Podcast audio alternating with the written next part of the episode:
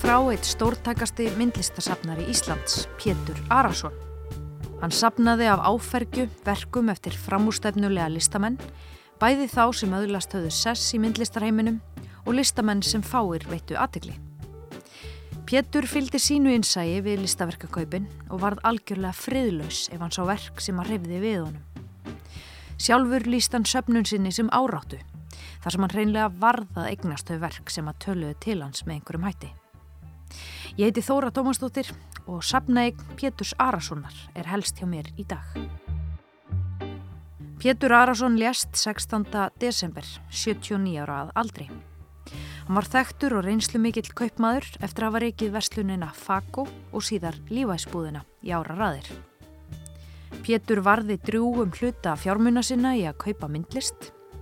Eginkona Péturs, myndlistakonan Ragnar Róberstóttir, hafði gríðarlega mótandi áhrif á sínans og hafa þau hjónin verið miklir máttastólpar í íslensku menningarlifi undarfarna áratögi.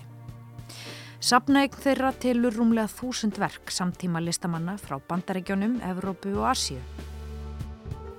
Gestir okkar í dag eru þau Markus Þór Andresson, deildastjóri síninga og miðlunar hjá listasafni Reykjavíkur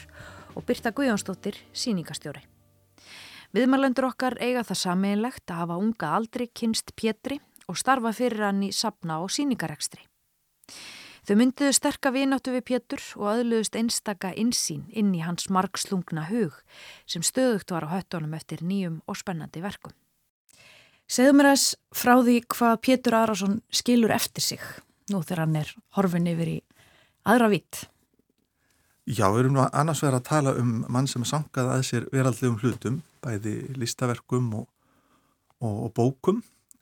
Þannig að það stendur eftir hann heilmikið sapn og þetta er heilstætt sapn sem að lýsir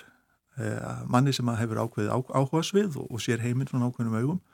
Þannig að það svona, er personulegt og en að samanskapi endur speiklaða ákveðin tíma. Þannig að það er annars er þessi veraldlegi hlutur og svo hins vegar skilur hann eftir sér mjög ríkulega arfleð uh, af því sem hann miðlaði til annara. Það var mjög örlátur að það að hitta fólk og, og sína því það sem hann, hann hafði séð eða sapnaði eða áskotnast. Uh, örlátur á tíma sinn að spjalla. Uh, hann var svona einn af þessum stöðum,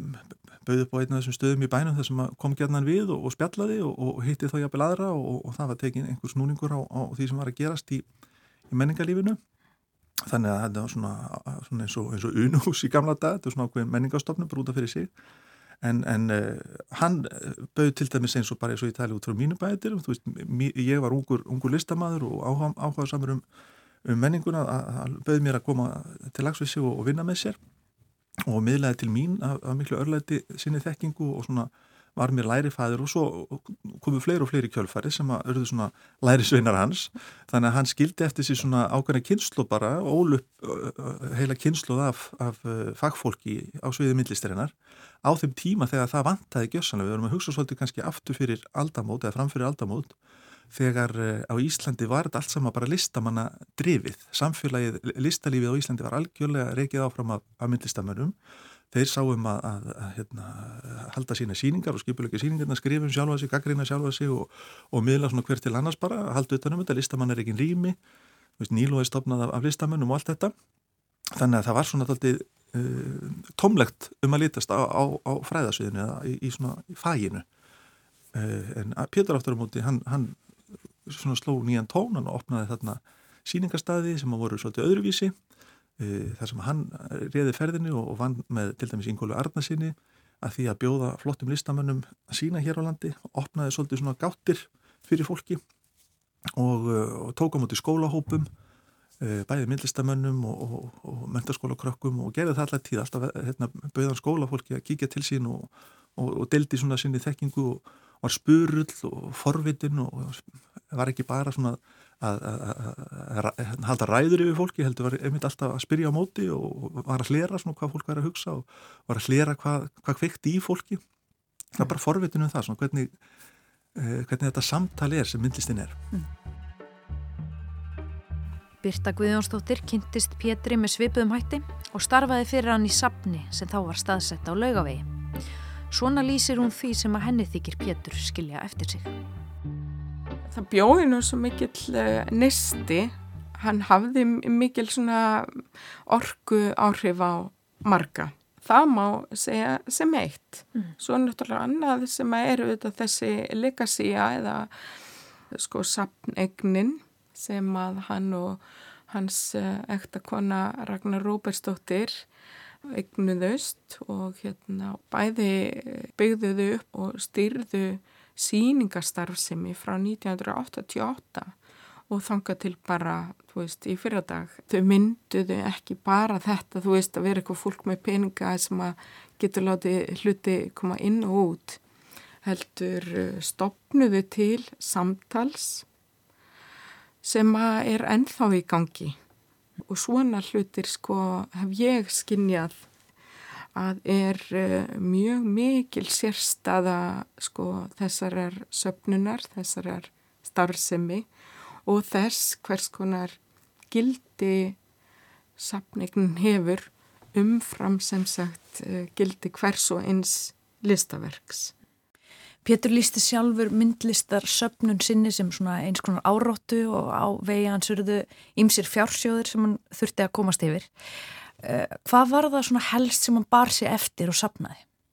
Þetta gekk nú svona í bylgjum, söfnunar árátt að Pétus var, var uh, svona eins og ábyggilega er hjá, hjá mörgum. Það kemur svona einhver, kemur einhver æði yfir menn og, og, það þarf að ná auðvitað um alla hluti af, af ákveðin kategóriu. Mm. Þannig að það er kannski einhver ákveðin listamæður eða einhver ákveðin séri eða einhver ákveðin tímabil sem að uh, maður er með hugan við og þá, og þá langar mann að, að fylla í þær eður og, og tímabili voru þetta listaverk, alþjóðleira listamann og íslenska listamann og síðan undir það síðasta voru það bækur. Mm. og, og það var mjög forutnilegt sapp sem hann kom sér upp vegna þess að það tengdist allt bókum sem að hafa, hafa eitthvað með myndmál að gera. Og þá var það svolítið skemmtilegt hvernig hann, hann, uh, hann þurkaði allt stígveldi út, það, það, hann læði það í öfnum sko, tinnabækur og, og fornar Eh, svona lærdómsbækur og, og, og, og síðan listaverkabækur. Þetta bara bækur sem hafa myndmál bara töluðu til hans og hann, hann svona sapnaði þeim áráttu kjent mm. Sko Pétur eh, var bara þannig gerður sem manneskja að hann bara var eiginlega algjörlega og sko sofandi yfir verkum sem hérna hann bara laðaði stað. Og yfirlegt voru það ekki verk sem hann laðaði stað því hann fannstu falleg eða smekkleg eða passuð vel eða svona. En hans uh, söpnun hún uh, hefst á því að hann verður svona viðþólslus þess vegna notar hann og gengst við þessu sko áráttu veist uh, hutaki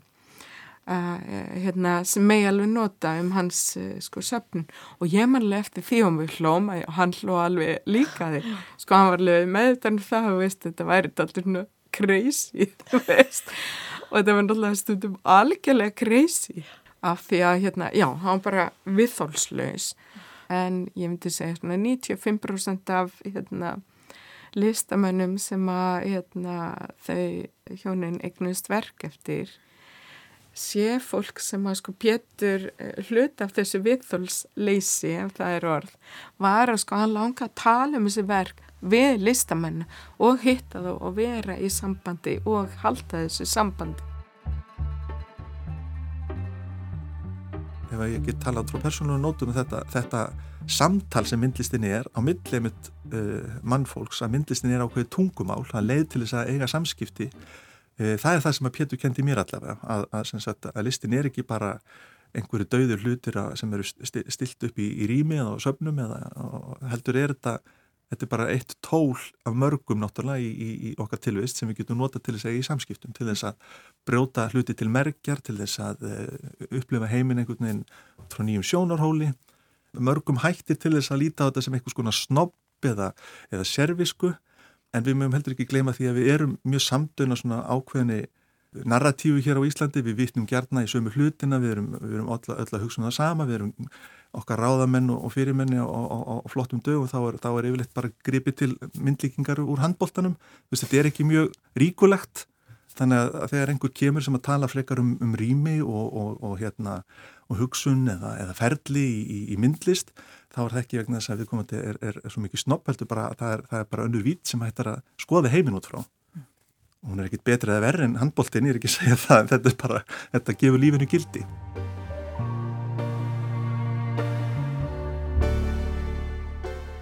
Fólk sem kannski tengist ekki listheiminum gæti hafa kynst Pétri við laugavein. Hann var upptekinn af því sem var síkilt og lífvæs var eitt af því.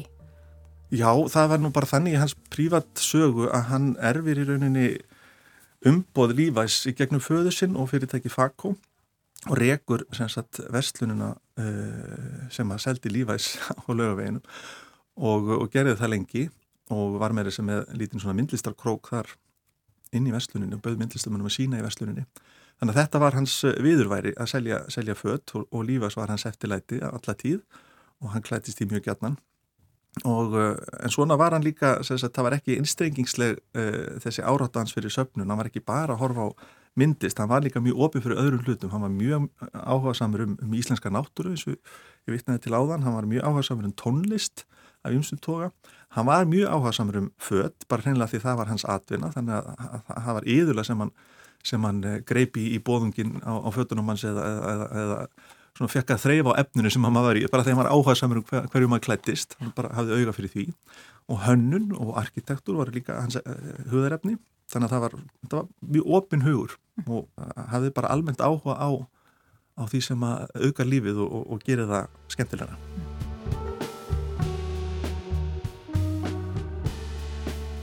Pétur kefti verk af myndlistamannum óháð í raun og eru hvort er hefðu öðlast svona stimpilinn að verða rýsandi stjórnur, hann valdi eftir sínu eigin áhugasviði og kefti jafnvel af, lítþægtum listamönnum sem að kannski taljast skrítnir, er það ekki rétt hjá mér? Jú, það er svona sett það að vera skrítin og, og það að vera brautriðandi, þetta fer ótt saman og, og Pétur greindi ekki þarna á milli, hann var bara, bara áhuga saman um það sem var nýtt, það sem að opnaði mann einhverja nýjar gáttir þar sem að veitti mann einhverja, einhverja nýja sín á tilveruna. Hann var að skoða myndlist sem að, sem að tengdist svolítið svona rýmishugsun.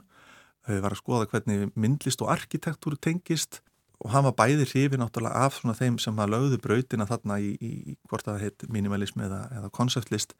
e, eða, eða flúksuslist þannig að hann var, hann var mjög spenntur fyrir náttúrulega brautriðöndunum og, og, og, og bæði síndi verk þeirra og kynntist þeim og var svo heppin eignast verk eftir